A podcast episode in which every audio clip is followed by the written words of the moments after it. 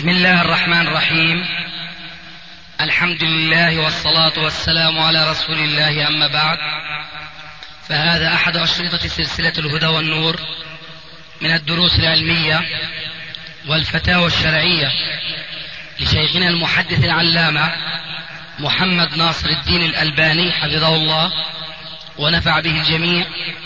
قام بتسجيلها والتأليف بينها محمد بن أحمد أبو ليلى الأثري. إخوة الإيمان والآن مع الشريط الرابع بعد المئة الثامنة على واحد تحت عنوان أسئلة فقهية متنوعة.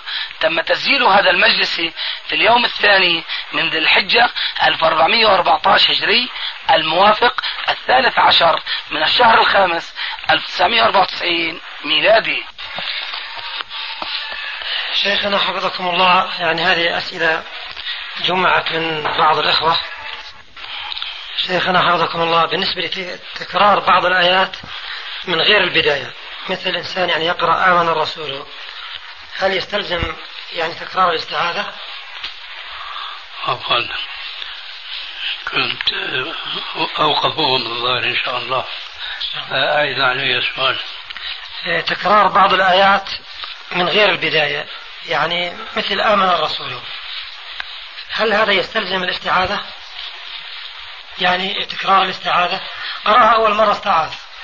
المرة الثانية المرة الثالثة يعني ممكن يكمل دون استعاذة؟ إذا لم يتخلل آه، القراءة كلام فلا داعي لتكرار الاستعاذة. الأولى كافية. أما إذا قرأ الآية مرة أو مرتين ثم بدا له أن يتكلم ثم رجع إلى التلاوة فلا بد من استئناف الاستعاذة هل يقال هذا نفسه في إذا ما كرر مثلا سورة الإخلاص؟ أراد أن نقرأها مثلا آه، عشر مرات فلا يكرر البسملة؟ أما البسملة هو السؤال السابق كان في الاستعاذة أي نعم الآن الآن في البسملة فهي تكرر. والتكرار قائم على المذهب الراجح أن البسملة آية من كل سورة.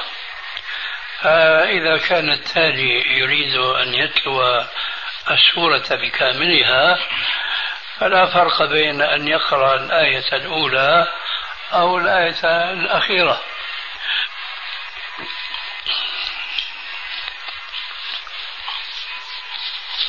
إذا هذا نفس الشيء وكان سؤال لبعضهم أن الانتقال من سورة إلى أخرى الجواب أخذناه. يعني مثلا الإخلاص والمعوذات قراءة البسملة نعم.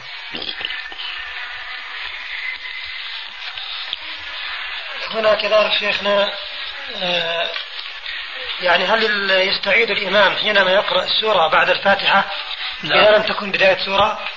لا الاستعاذة الأولى كافية. والبسملة شيخي؟ وسبق الجواب عن البسملة. بس ما سبق الجواب. لا بد من قراءتها. شيخنا هل صحيح أن مسلما لم يبوب آه، كتابه الصحيح؟ وإنما هو من تبويب آه، النووي نعم.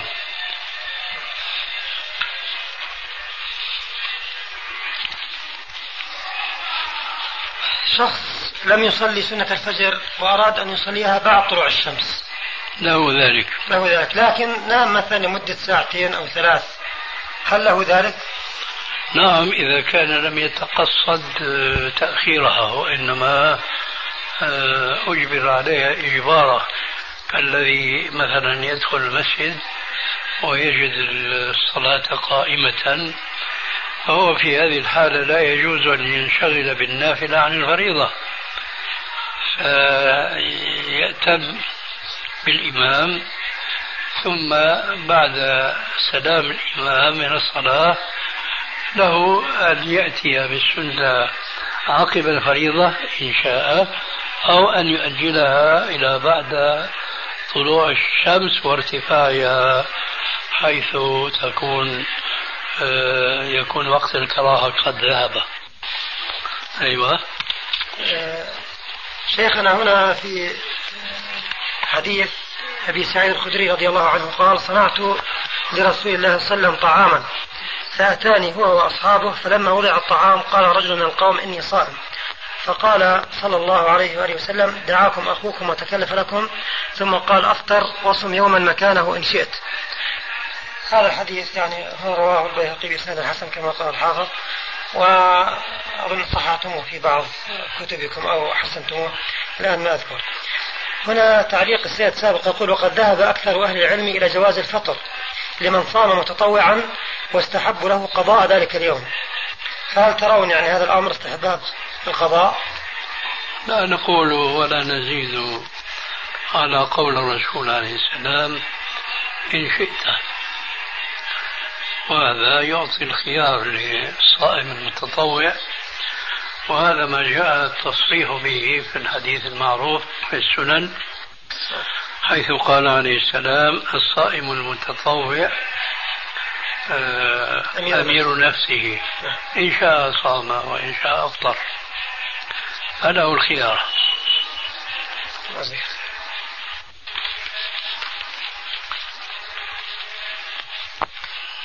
شيخنا هل على غير المقصر الصلاة من غير التفات للشمس بالنسبة للفجر يعني. يعني إذا كانت الشمس على وشك الطلوع ف أولا ماذا تعني بالمقصر؟ غير يعني المقصر. أي نعم. غير مقصر. أي نعم. يعني غير ملتهي. غير ملتهي. أي أعز سؤال هل على غير المقصر أن يصلي من غير التفات للشمس فيبدأ بسنة الفجر ولو يعني وإن كانت آه، الشمس على وشك الطلوع. هو كذلك هذا أولا.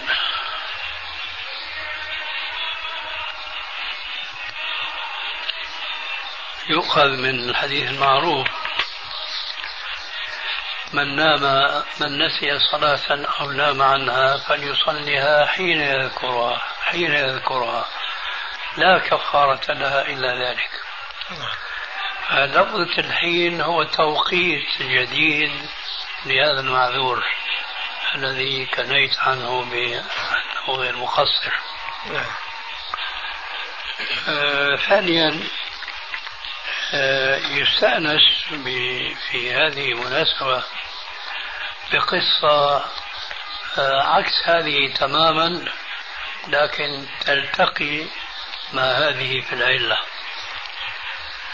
وهي التي رواها الإمام البيهقي في سننه أن أبا بكر الصديق رضي الله تعالى عنه أطال القراءة في صلاة الفجر يوما. حتى لما سلم قالوا له لقد أطلت حتى خشينا أن تطلع الشمس.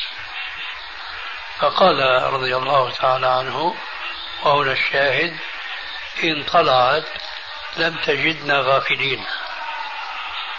يعني نحن في عبادة وفي صلاة. فما يضرنا أن طلعت علينا الشمس.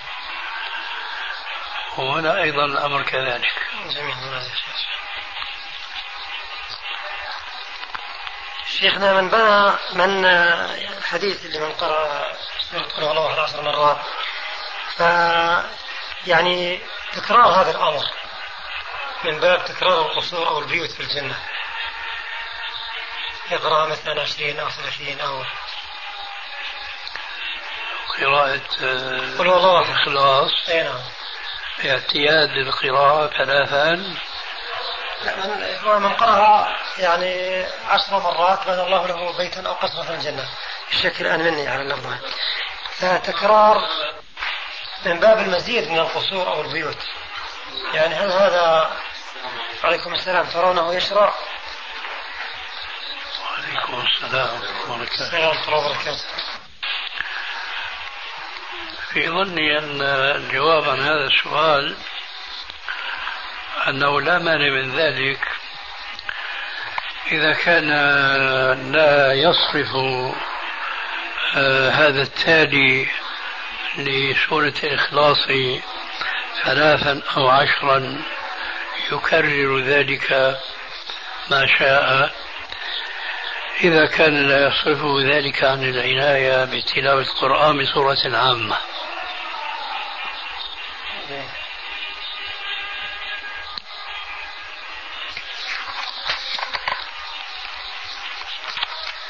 شيخنا هنالك تمييز بين الأكل ماشيا والأكل قائما. كما في حديث كنا نأكل ونحن نمشي ونشرب ونحن قيام. يعني هل لغير الضرورة يأكل ماشيا ولا الأصل الجواز؟ هو هذا هو الجواب. الأصل الجواز وجاء هذا الحديث مؤيدا للأصل ولكن لا بد من التفريق بين الأكل ماشيا والأكل قائما. لأن الأكل ماشيا يقال فيه ما سبق وأما الأكل قائما فقد نص خادم النبي صلى الله عليه وآله وسلم أنس بن مالك رضي الله تعالى عنه على أنه شر من الشرب قائما وليس له مخالف من الأصحاب كما نعلم فوجب الوقوف عند قوله. الشاهد لا بد من التفريق بين الأكل قائما فلا يجوز وبين الأكل ماشيا فيجوز لا سيما ويبدو أن هناك فرقا بين الأمرين أي الذي يأكل قائما يستطيع أن لا يأكل قائما. فيقال له كالذي يشرب قائما يقال له اجلس. أما الذي يأكل وهو يمشي واضح تماما أنه مشغول فهو لانشغاله يأكل وهو يمشي. فثمة فرق بين الأمرين وهذا هو الراجح علما أو فقها وأثرا.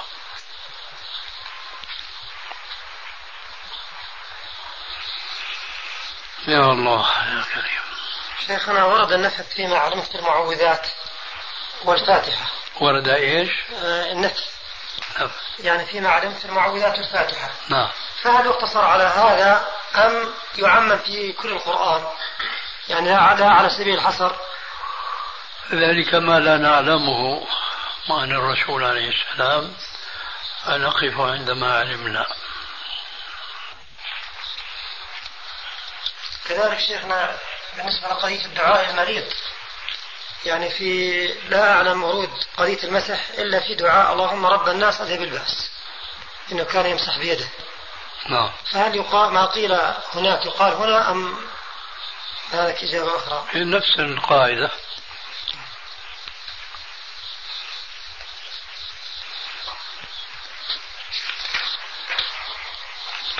شهوات اللهم شيخنا هذه مساكن إن شاء الله. والله أخ أمجد أريد سنن النسائي صح سنن النسائي صح سنن أبي داود. شاهد هذا رقم 3608 أو جيب أنت سنن أبي داود في صحيح الجامع. 2905 حتى نسأل في سؤال متعلق فيه. بالنسبة للعسل فيه الزكاة العشر كما حدثنا جزاك الله خير. لكن تعرف الآن صار العسل فيه عليه مصاريف مصاريف كثيرة. آه، قد يكون الإنتاج ضعيف مثل إنتاج هذا العام أتت آفة على النحل كله في البلد. نعم. فيكون الإنتاج ضعيف جدا. آه، بجوز يكون العشر أو مثلا أكثر بقليل أو أقل من الإنتاج العادي. هذا الإنتاج يعني ما بيسوي مصاريف المهنة. الآن صار في عمال في مثلا شراء ملكات استيراد ملكات في تغذية للنحل في أدوية للنحل. نعم. فمع ذلك يقال إنه لابد من دفع الزكاة من هذا الإنتاج الضعيف. لا أعتقد أنه يجب الحالة هذه ولكن ينبغي على العسال. أن يتقي الله عز وجل خشية أن يتدخل في الموضوع أو النفس ويستمر على مثل هذه الدعوة نعم.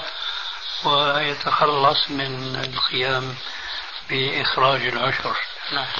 ولكن حينما تكون المسألة كما ذكرت فلا زكاة نعم جزاك الله وإياك.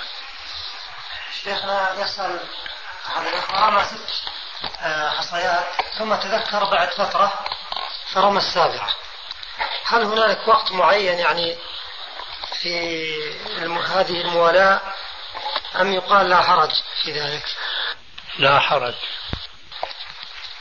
مهما طال الوقت يعني. نعم متى ما تذكر استدرك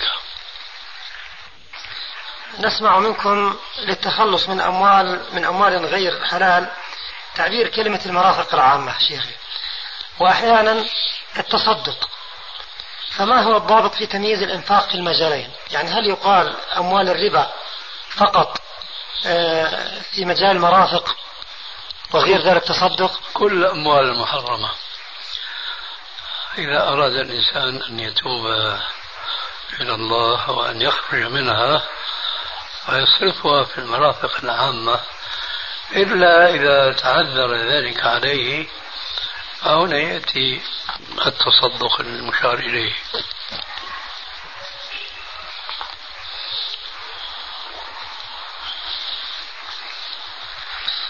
شيخنا هل ترون الالتفات في الصلاة حراما أم مكروها كراهة تنزيهية؟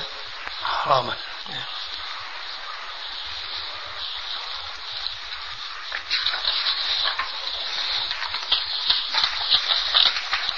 شيخنا سأل أحد الأخوة يعني كانت له زوجة تقنعه أن يأتي ببعض الأثاث وما يلزم للبيت. يعني فوق ما يملك. فوق؟ فوق ما يملك يعني فوق طاقته وهي تدرس وتساعده من مالها ومن غير طلب منه. ثم ساءت العلاقة بينهما وقامت برفع قضية للمحكمة تطالبه بأموال أعطته إياها في ما ذكرت يعني في المجال السابق. وفي مثل هذه الأمور يحلف القاضي الشخص دون أن يسمع تفصيلات. فيقول مثلا هل أعطتك؟ إذا أراد أن يتكلم إجابة محددة نعم لا. فربما إذا أراد أن يطلب كذا يعني بعض بعضهم يسيء له بالكلام أو كذا يعني يتهمه بقلة الأدب. فإما نعم أو لا مع القسم. ويترتب على ذلك يعني دفع مبالغ لا يستطيع هذا الإنسان. فالسؤال هنا إذا يعني أراد أن يحلفه إنه أعطتك أم لا؟ يعني ماذا يفعل؟ إذا تعذر هذا التفصيل السابق.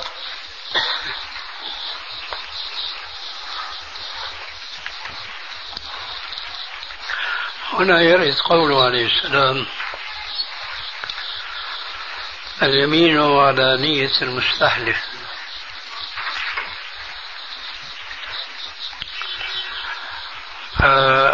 الحالف هنا أو المطلوب منه اليمين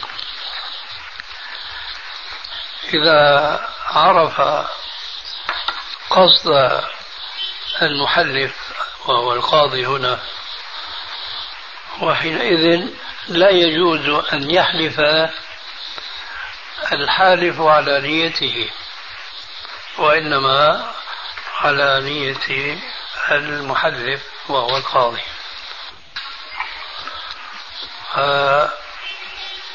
إذا عرف هذا هو الحكم وحينئذ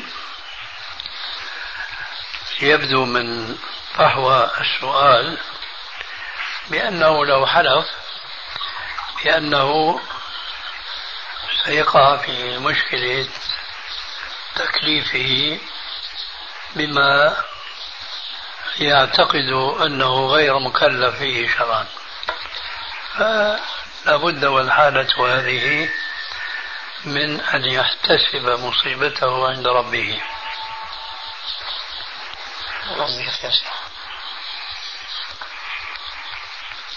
شيخنا في قوله تعالى فكفرته إطعام عشرة مساكين من أوسط ما تطعمون به أهليكم تطعمون أهليكم أو كسوتهم أو تحرير رقبة. فمن لم يجد فصيام ثلاثة أيام. هل الإنسان مخير بين الإطعام والكسوة أم ينظر لحاجة الفقراء ومصلحتهم؟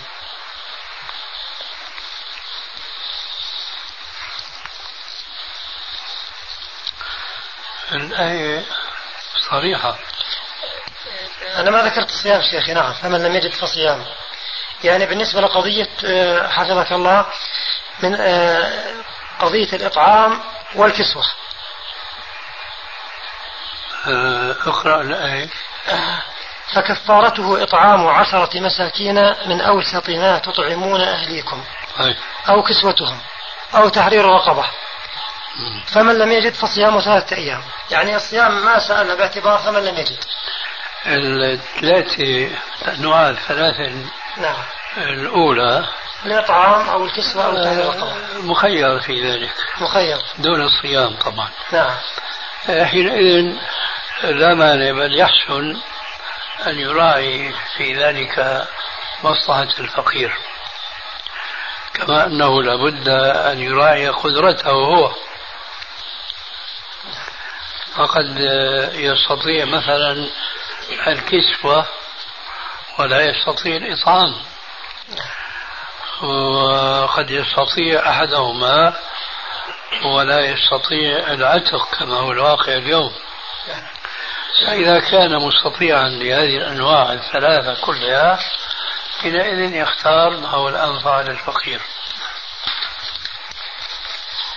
شيخنا إذا تذكر الإمام أنه على غير وضوء وهو ساجد.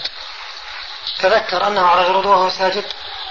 هل يرفع بدون تكبير ويطلب أن يتقدم يعني آه، أحدهم؟ طبعا عمليا ربما هذا الموقف يكون صعبا لكن لعله هو الأتقى لله عز وجل. وقد يتفاجأ المأموم أو كذا. على كل حال يعني ما رأيكم بهذا. نعم. طبعا لا يرفع رأسه من السجود مع التكبير. لأن التكبير هنا من كما يقولون بعض الفقهاء من هيئات الصلاة. ولكن دفعا للمحظور الذي أشرت إليه آه، يستحضر هنا قوله عليه السلام من نابه شيء وهو يصلي فليسبح فليرفع صوته بسبحان الله. ويشير إلى الساجدين الذين بلا شك سيفجؤون بهذا التسبيح وسيرفعون أصوات رؤوسهم فيشير إليهم حين ذاك أن يظلوا ساجدين. وسواء فهموا عليه أو لم يفهموا المهم أن الذين فهموا منه ماذا أراد منهم؟ سيظلون إما ساجدين وإما جالسين حتى يأتيهم وقد عاد الطهارة. إذا كان المكان الميضاءة إذا كانت قريبة منه. وإلا في هذه الحالة لابد من أن ينيب عنه شخصا.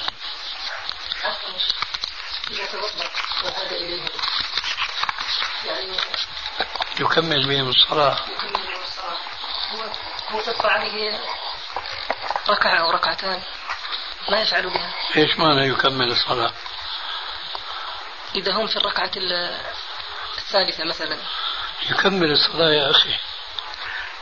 أليس الصلاة مبنى تنبني ينبني أولها على آخرها؟ ما هذه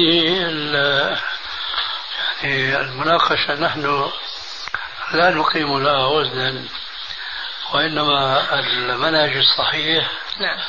أن يسأل الإنسان ما وجه هذا الكلام ما دليله نعم.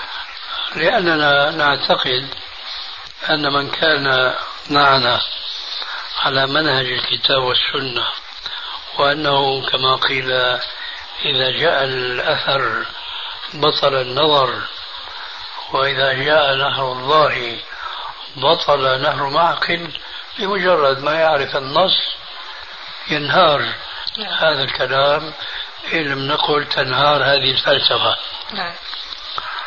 آه فنحن أجبنا بما أجبنا به بناء على حديث في سنن أبي داود ومسند الإمام أحمد عن أبي بكرة رضي الله تعالى عنه أن النبي صلى الله عليه وسلم صلى بالناس يوما صلاة الفجر وكبر ثم أشار إليهم أن مكانكم.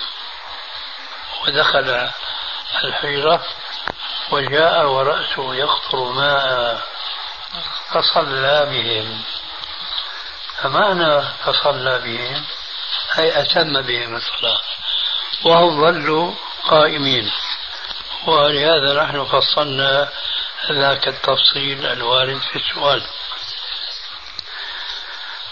فلو كان قولك المذكور آنفا صحيحا فهو عليه السلام دخل في الصلاة وهو يظن أنه على طهارة لكنه لم يكن على طهارة. فعند أكثر العلماء يعتبر مثل هذه الصلاة باطلة من أصلها نعم. لأنه لم يكن على طهارة لكن هذا النص هذا الحديث آه، يؤكد القاعدة العامة التي قررها رسول الله صلى الله عليه وسلم بالحديث الصحيح إن الله عفوا مش هذا؟ وضع عن أمتي الخطأ والنسيان وما استكرهوا عليه. هذه القاعدة في هذه الأمور الثلاثة. طبعا هذا لا ينافيه ما يقال. أن لكل قاعدة شواذ بمعنى أن هناك بعض الأحكام يؤاخذ عليها الإنسان ولو كان ناسيا. ولو كان مثلا جاهلا. ووضع عن أمتي الخطأ قد يؤاخذ بالخطأ أحيانا. والنسيان قد يؤاخذ أحيانا. لكن ما هي القاعدة؟ ألا يؤاخذ. فإذا أردنا الخروج عن القاعدة فلا بد من نص هذه الحادثة هي مما يؤيد القاعدة أنه رفعت المؤاخذة عن الناس. النبي صلى الله عليه وسلم حينما دخل في صلاة الفجر وهو على غير طهارة لأنه قال عليه السلام لما سلم بهم إني كنت جنبا فنسيت. ولذلك لما أشار إليهم أن مكانكم رجع ورأسه يقطر ماء أي أنه اغتسل. قوله عليه السلام إني كنت جنبا فنسيت. أولا تعليل لهذا الفعل الذي فعله. ثانيا بيان أن هذه القضية أو هذا الجزء داخل في القاعدة. فلو قيل وقد قيل فعلا بأن الرسول عليه السلام ما كان دخل في الصلاة. وجوابنا أن هؤلاء الذين ادعوا هذه الدعوة احتجوا بحديث أبي هريرة في صحيح البخاري. أن النبي صلى الله عليه وسلم قام يوما في صلاة الفجر ليصلي. فتذكر أنه على جنابة. فقال لهم مكانكم. ثم ذهب وجاء وقد اغتسل. فنحن نقول هما روايتان صحيحتان. وقضيتان مختلفتان تماما. وجوابنا وجوابنا أن هؤلاء الذين ادعوا هذه الدعوة احتجوا بحديث أبي هريرة في صحيح البخاري. أن النبي صلى الله عليه وسلم قام يوما في صلاة الفجر ليصلي. فتذكر أنه على جنابة فقال لهم مكانكم. ثم ذهب وجاء وقد اغتسل. فنحن نقول هما روايتان صحيحتان وقضيتان مختلفتان تماما. من حيث البدء ومن حيث الإشارة أو القول. ذلك أن في حديث أبي بكرة الثقفي رضي الله تعالى عنه التصريح بأنه كبر. أما في حديث أبي هريرة لا شيء من ذلك إنما قام. آه ثم في حديث أبي بكرة أشار إليهم أن مكانكم. لماذا لم يقل مكانكم؟ لأنه في صلاة. ولا يرحمك الله. ولا يجوز لمن كان في الصلاة أو في حق المصلي أن ينشغل بشيء لا يجوز للمصلي ومن ذلك الكلام. بينما في قصة أبي هريرة قال لهم لأنه لم يكن في صلاة. فلذلك إذا عرفنا تفصيل حديث أبي بكرة لم يرد الكلام السابق وأستريح وتستريح معي إن شاء الله. طيب يا شيخ ألا ترى أنه فرق هناك فرق بين خروج الإمام في الركعة الثانية وفي وبين خروجه في الركعة الأخيرة. بين خروج الإمام. أقول ألا ترى أن أنه هناك فرق بين خروج الإمام في الركعة الأولى وخروجه في الركعة الأخيرة مثلا؟ هل أنت تعني حادثة معينة ولا تتحدث حول الحادثتين المذكورتين أتحدث حول حديث أبي بكرة رضي الله عنه.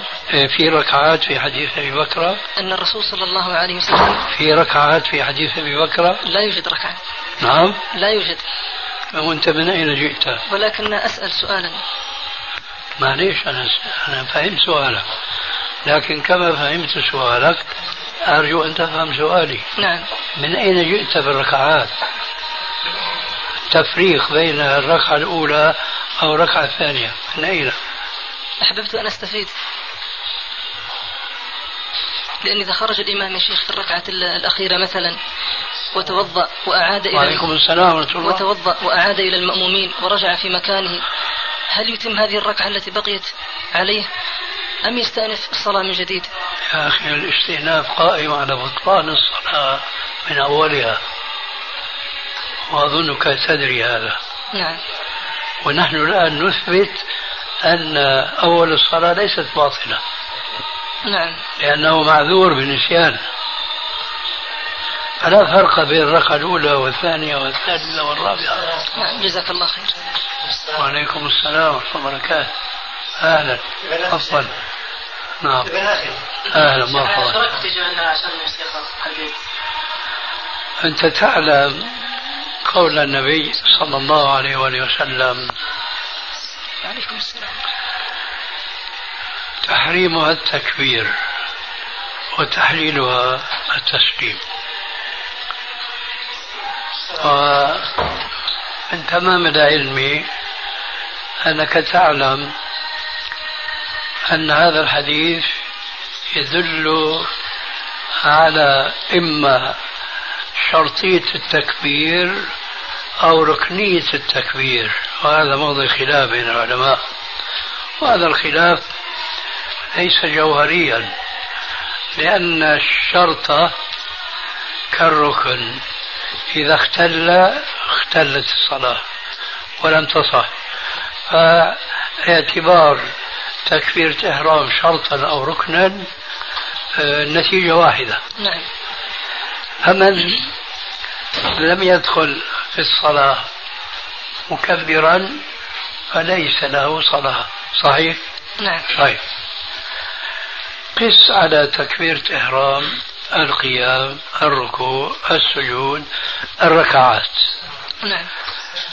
فإذا الشارع الحكيم آه، اعتبر ركنا من أركان الصلاة في حادثة ما صحيحا فما الفرق حين ذاك بين هذا الركن والثاني والثالث والرابع؟ ليس هناك فرق نعم. إطلاقا.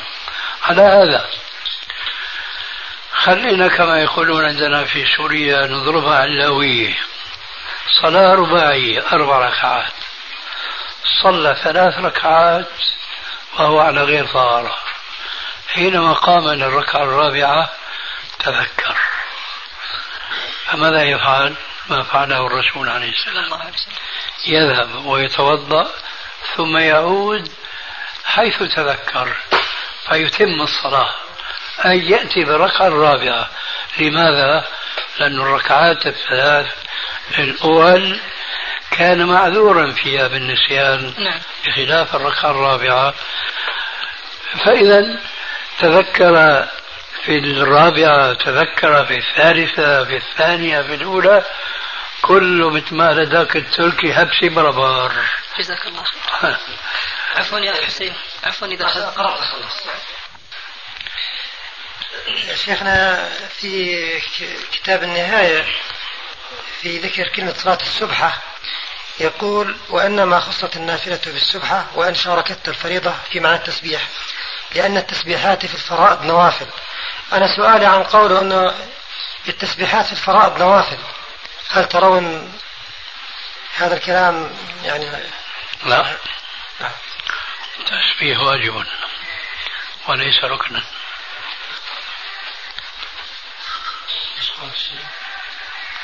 تسبيح واجب. ما أسمعه شيخنا يقول التسبيح واجب وليس ركنا ولأنه يقول نوافل.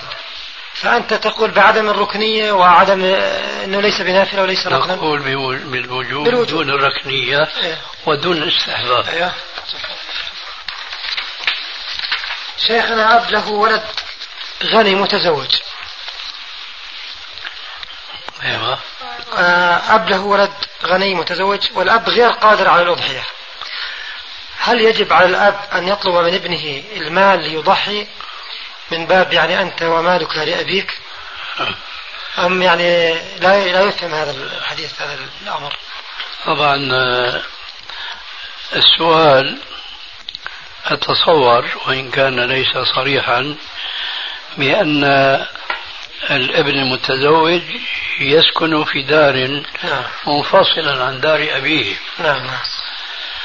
على ذلك فالجواب لا أقول يطلب بل أقول يأخذ.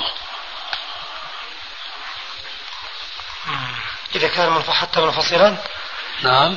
أنت ذكرت شيخنا انفصال السكن فيعني هذا مرتبط بالطرف إذا كان منفصلا؟ هو نعم لأنه الفرق بس أنا أريد أن أفرق بين يطلب وبين يأخذ. أيوه. لكن الانفصال أمر ضروري في مثل هذه الحالة لأنهم لو كانوا يعيشون في دار واحدة ويضحي الابن فهذه الأضحية تكفي عن العائلة وعن الدار كلها نعم. أما والأمر أن كلا من الأب والولد يعيش في دار على حدة حينئذ يجب على كل منهما أضحية نعم. وإذا الأمر كذلك قلت أنا لا أقول يطلب بل يأخذه والآن أظن تعرف الفرق بين يطلب وبين يأخذ نعم. واضح؟ نعم م. يعني بمعنى الوجوب يا شيخ كيف؟ يعني يكون واجبا على الأب نعم يعني. هذا كما قال الإمام الشافعي رحمه الله كما أدق فقهه حينما جاء إلى حديث الخثعمية التي سألت الرسول عليه السلام عن أبيها قال قالت إن أبي شيخ كبير لا يثبت على الرحل وقد أدركته فريضة الله الحج أفأحج عنه؟ قال حج عنه أرأيت إن كان على أبيك دين أفكنت تقضينه عنه؟ قالت فلا. قال فدين الله حق أن يقضى.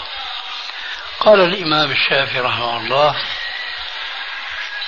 تفقها في هذا الحديث آه أن النبي صلى الله عليه وسلم أوجب على الولد أن يحج عن أبيه العاجز معتبرا استطاعة الولد امتدادا لاستطاعة الوالد. هذا ينطبق هنا تماما. بعض الفقهاء قالوا أنت ومالك لأبيك قيدوها في النفقة فهل هذا عليه من دليل؟ لا هي مقيدة بالحاجة. بالحاجة. أعم من النفقة يعني. أعم من النفقة. شيخنا هذه الورقة أعطانيها أحد الإخوة. يعني يسأل عن صحة بعض الأمور يحب أن يسمع منكم. كلام طبعا مطول لعلها مرت معكم ما أدري أقرأ ولا؟ أقرأ. إيه. عن الإمام علي هاي أول غيث قطر والله. مبين مكتوب من عنوانه. قال دخلت مع فاطمة على رسول الله صلى الله عليه وسلم فوجدته يبكي بكاء فقلت فداك أبي وأمي يا رسول الله ما الذي أبكاك؟ فقال عليه السلام يا علي ليلة أسري بي إلى السماء رأيت نساء من أمتي في عذاب شديد فأنكرت بشأنهن فبكيت لما رأيت من شدة عذابهن. رأيت امرأة معلقة بشعرها يغلي رأسها ورأيت امرأة معلقة إلى آخره. لا يصح مثل هذا. لا يكون أي من النشرات إيه. خادم الحجرة النبوية. إيه، كذلك هنا على أمير المؤمنين عليه السلام عينه. قال يظهر في آخر الزمان واقتراب القيامة وهو شر الأزمنة نسوة متبرجات كاشفات عاريات من الدين خارجات داخلات في الفتن مائلات إلى الشهوات مسرعات إلى اللذات مستحلات حرمات. الحرمات جهنم هكذا يعني الألفاظ. نفس الشيء؟ خلاص نفس الشيء. هذا شيخنا محوش من واقع الناس. الله يهديهم. بس هنا يبدو في حديث يعني هؤلاء إما ضالين وإما مقرون مع ذلك مضللين. ما بينشروا إلا الأحاديث الضعيفة بالموضوع شيخنا آخر شيء بالنسبة لي الله يجزيك خير حتى نترك مجالا للضيف العزيز. هذا الحديث حتى نستفيد منكم لأن هذا عملكم قديم فلعله أخيرا يكون في صحيح السنن. ونتعافوا الحدوث فيما بينكم يعني قلتم بتحسينه. فهذا من طريق عبد الله بن عمرو رضي الله عنهما هنا نفس الشيء في صحيح سنن أبي داود. لعله هذا دائما أن يفصل فيه يكون هنا المعتمد لكن أريد التوثق منكم. آه قلتم بتصحيحه وفي صحيح سنن النسائي. هنا بس الطريق هذا ما ذكر يعني نعم. فما أدري يعني الآن يحضركم شيء ولا فيما بعد؟ يعني سؤال بين تصحيح والتصحيح نعم لا. كل في يعني لا لا ما يحضرني شيء والأمر في هذا. أمر معتاد جدا. نعم. كما يقول الحافظ الذهبي في رسالته النافعة. الموعظة. أن الحديث الحسن من أدق علم الحديث. صحيح. لأنه رأي الباحث يضطرب فيه الشخص الواحد فضلا عن أشخاص مختلفين. صحيح. هذا من جهة. ومن جهة أخرى قد يكون الحديث بإسناد ضعيف. فيضعفه الواقف على هذا الإسناد. ثم يتيسر له بعد مدة طالت أو قصرت فيجد له شاهدا فينقذه من الضعف إلى الحسن. ثم تمضي أيام وأيام ويجد له شواهد خاصة فيما يجد من مطبوعات أو بمصورات أو إلى آخره فيصبح الحديث صحيحا. هذا نحن نعرفه بالممارسة. أما الذين لا علم عندهم فلا غرابة أن يستغربوا مثل هذا التنقل من التضعيف إلى التحسين إلى التصحيح. بل وقد يكون العكس أحيانا. يعني من الصحة إلى الحسن أو الضعف. المهم لا يحضرني الآن جواب دقيق حول السؤال. جزاك الله خير كما تقولون شيخنا العلم لا يقبل الجمود أي نعم. شيخنا بعد الأخير هذا تذكرت بأن أحد الأخوة قال عن صاحب الكلم الطيب يستأذن بطباعته. فنحن نعرف بأنه أو لنعرف أنه لسعد الراشد. أوي. فهل يستأذن منه ولا يستأذنه نعم. جزاك الله خير وإياكم إن شاء الله. هل ثبت من أحاديث صحيحة بخصوص زيارة قبر النبي صلى الله عليه وسلم. في الفائل لا لم يثبت. إلا في عموم زيارة المقابر بشكل عام. أي نعم. أما فضل خاص لم يثبت أبدا. أبدا.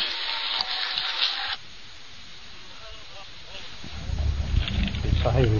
هو هذا هو هذا كان حسنا صحيح. السؤال يكون هل هو صحيح أو ضعيف؟ أما الصحيح وحسن إيش الفرق؟ إلى إلى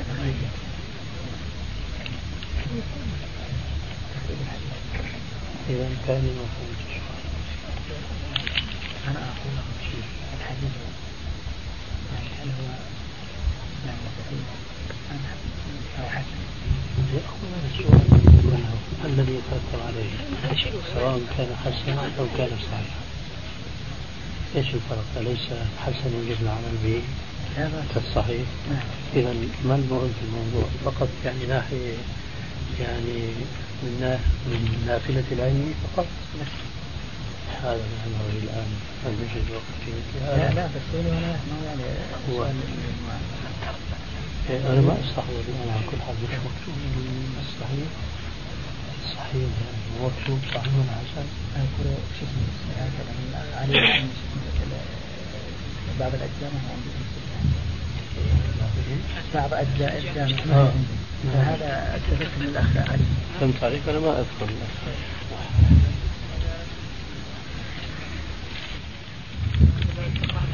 لا. الشيخ يبغى في كلمة. أنا أنا أسألكم ما الذي أنتم بحاجة إليه؟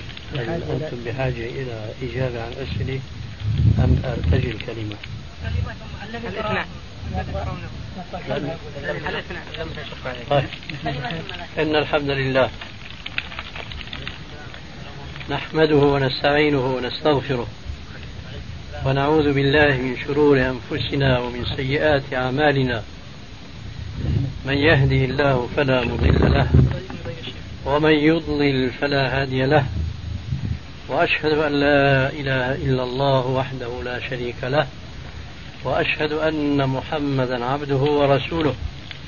يا أيها الذين آمنوا اتقوا الله حق تقاته ولا تموتن إلا وأنتم مسلمون.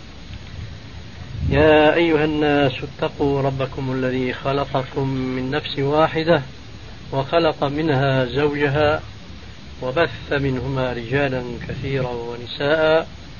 واتقوا الله الذي تساءلون به والأرحام.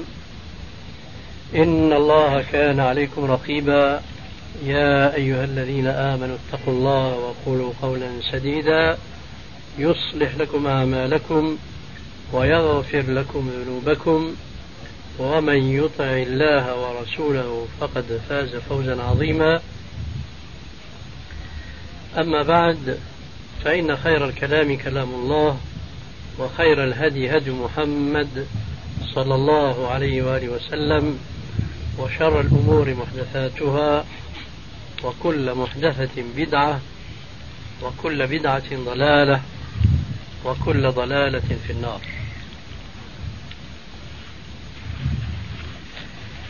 لشيخ الإسلام ابن تيمية رحمه الله جملة جامعة لأصل الإسلام. وهذه الجملة مستنبطة أصالة من الشهادة التي هي الركن الأول من الإسلام حيث قال ابن تيمية رحمه الله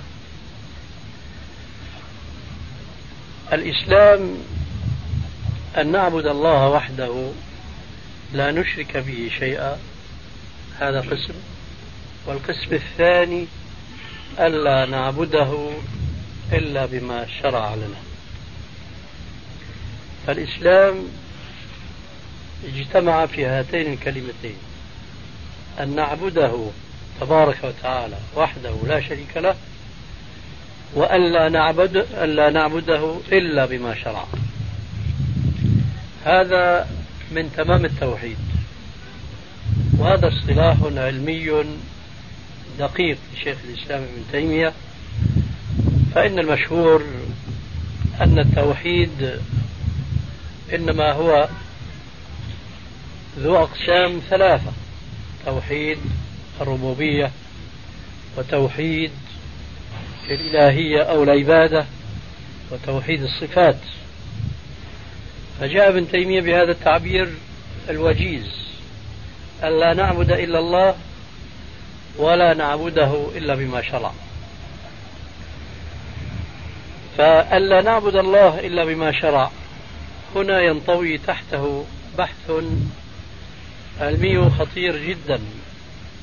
طالما اختلف فيها المتأخرون ولم ينجو من الاختلاف الممقوت منهم إلا الأقلون.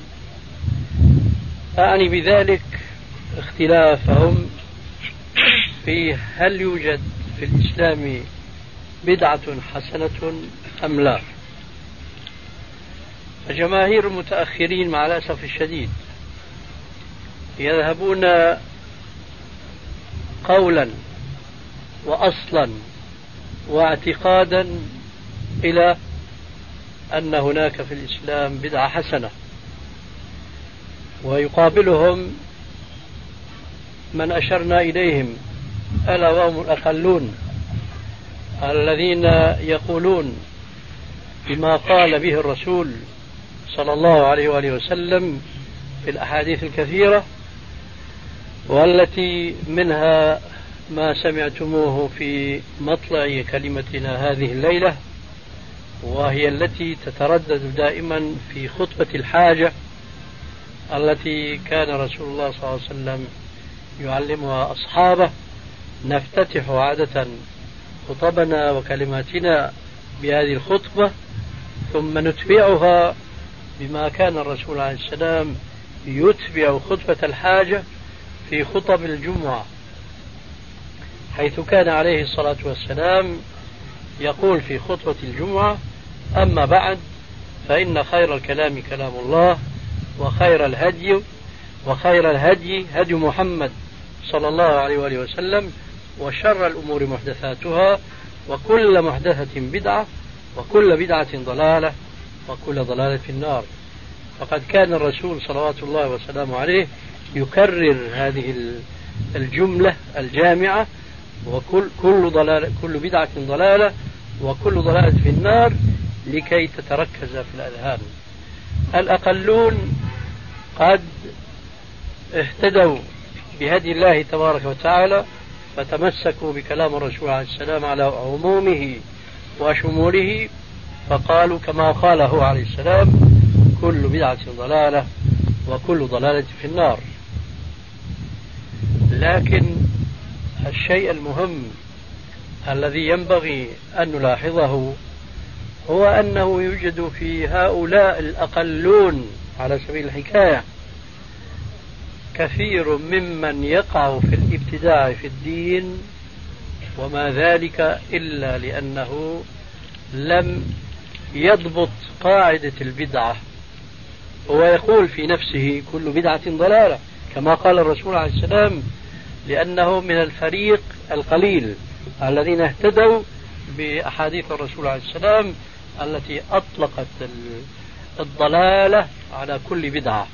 ولكن لكي لا يقع هؤلاء الأقلون في البدعة التي يفرون منها بتبنيهم القاعدة العامة كل بدعة ضلالة وكل ضلال في النار يجب أن يتقنوا بحث البدعة ليميزوها بين ما يدخل في عموم النص فلا يعملون به لأن قوله كل بدعة ضلالة شملة وإن كان هذا الذي دخل في هذا النص العام له أصل في الشريعة.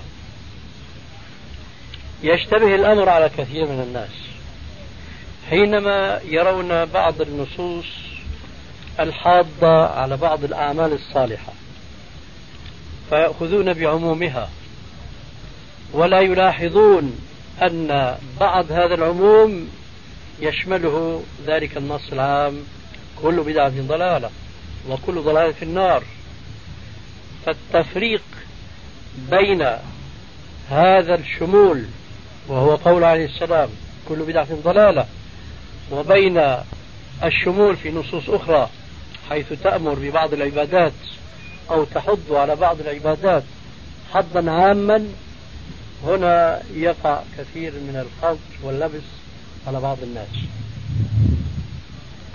وأنا قبل أن أذكر ما عندي من العلم في هذا الصدد أريد أن أنصحكم بصفتكم مثلي طلابا للعلم أن تدرسوا لأجل هذه المسألة فقط ولتتفهموها فهما صحيحا ولتكونوا على ما كان عليه في السلف الصالح من الابتعاد عن الابتداع بالدين في الدين ولو كان هذا الابتداع في الدين مستندا إلى نص عام من أحاديث الرسول عليه الصلاة والسلام لكي لا تقعوا في الابتداع في الدين أنصح بأن تقرأوا كتابا هو أعظم كتاب عرفته في هذا الموضوع ألا وهو كتاب الاعتصام للإمام للإمام الشاطبي رحمه الله. فهذا كتاب مختص في هذا الموضوع لا مثل له فيما علمته. وكل من جاء بعده إنما هو عالة عليه وإنما هو يستقي منه.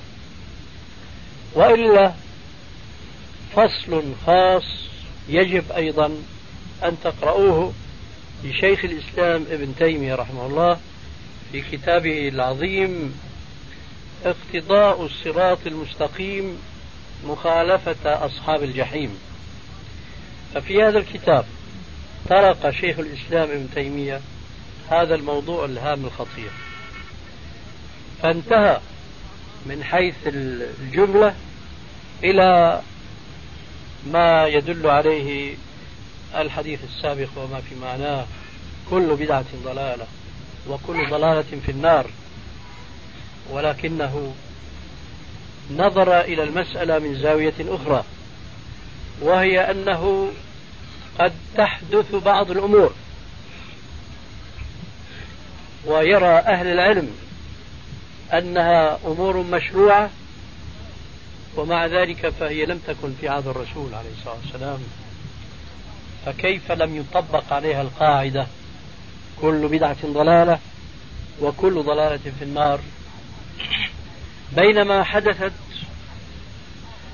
محدثات كثيرة وكثيرة جدا فاعتبر أهل العلم والتحقيق كالشاطبي وابن تيمية وغيرهما من المحدثات. فما هو الفصل؟ ما هو الحكم الفصل بين ما يحدث ويكون مشروعا وبين ما يحدث ولا يكون مشروعا؟ هذا ما فصل القول فيه الإمام الشاطبي في الكتاب السابق الاعتصام وجمعه وأوجز الكلام فيه شيخ الإسلام في الكتاب المذكور آنفا فأنا أوجز لكم القول. لا أريد بطبيعة الحال أن أذكركم بالنصوص التي تؤكد هذه القاعدة الإسلامية العظيمة. كل بدعة ضلالة وكل ضلالة في النار لأنني أعتقد أنكم على علم بذلك كما أظن وأرجو. ولكن أريد في الواقع أن أبين لكم أمرين اثنين لتتحققوا من معنى هذا الحديث الصحيح. كل بدعة ضلالة وكل ضلالة في النار فلا تقعون في إفراط ولا في تفريط. لأن بعض الناس لجهلهم بما سيأتي ذكره عن الشيخين يحدث محدثات ويتمسك بها لأنها دخلت في نصوص عامة.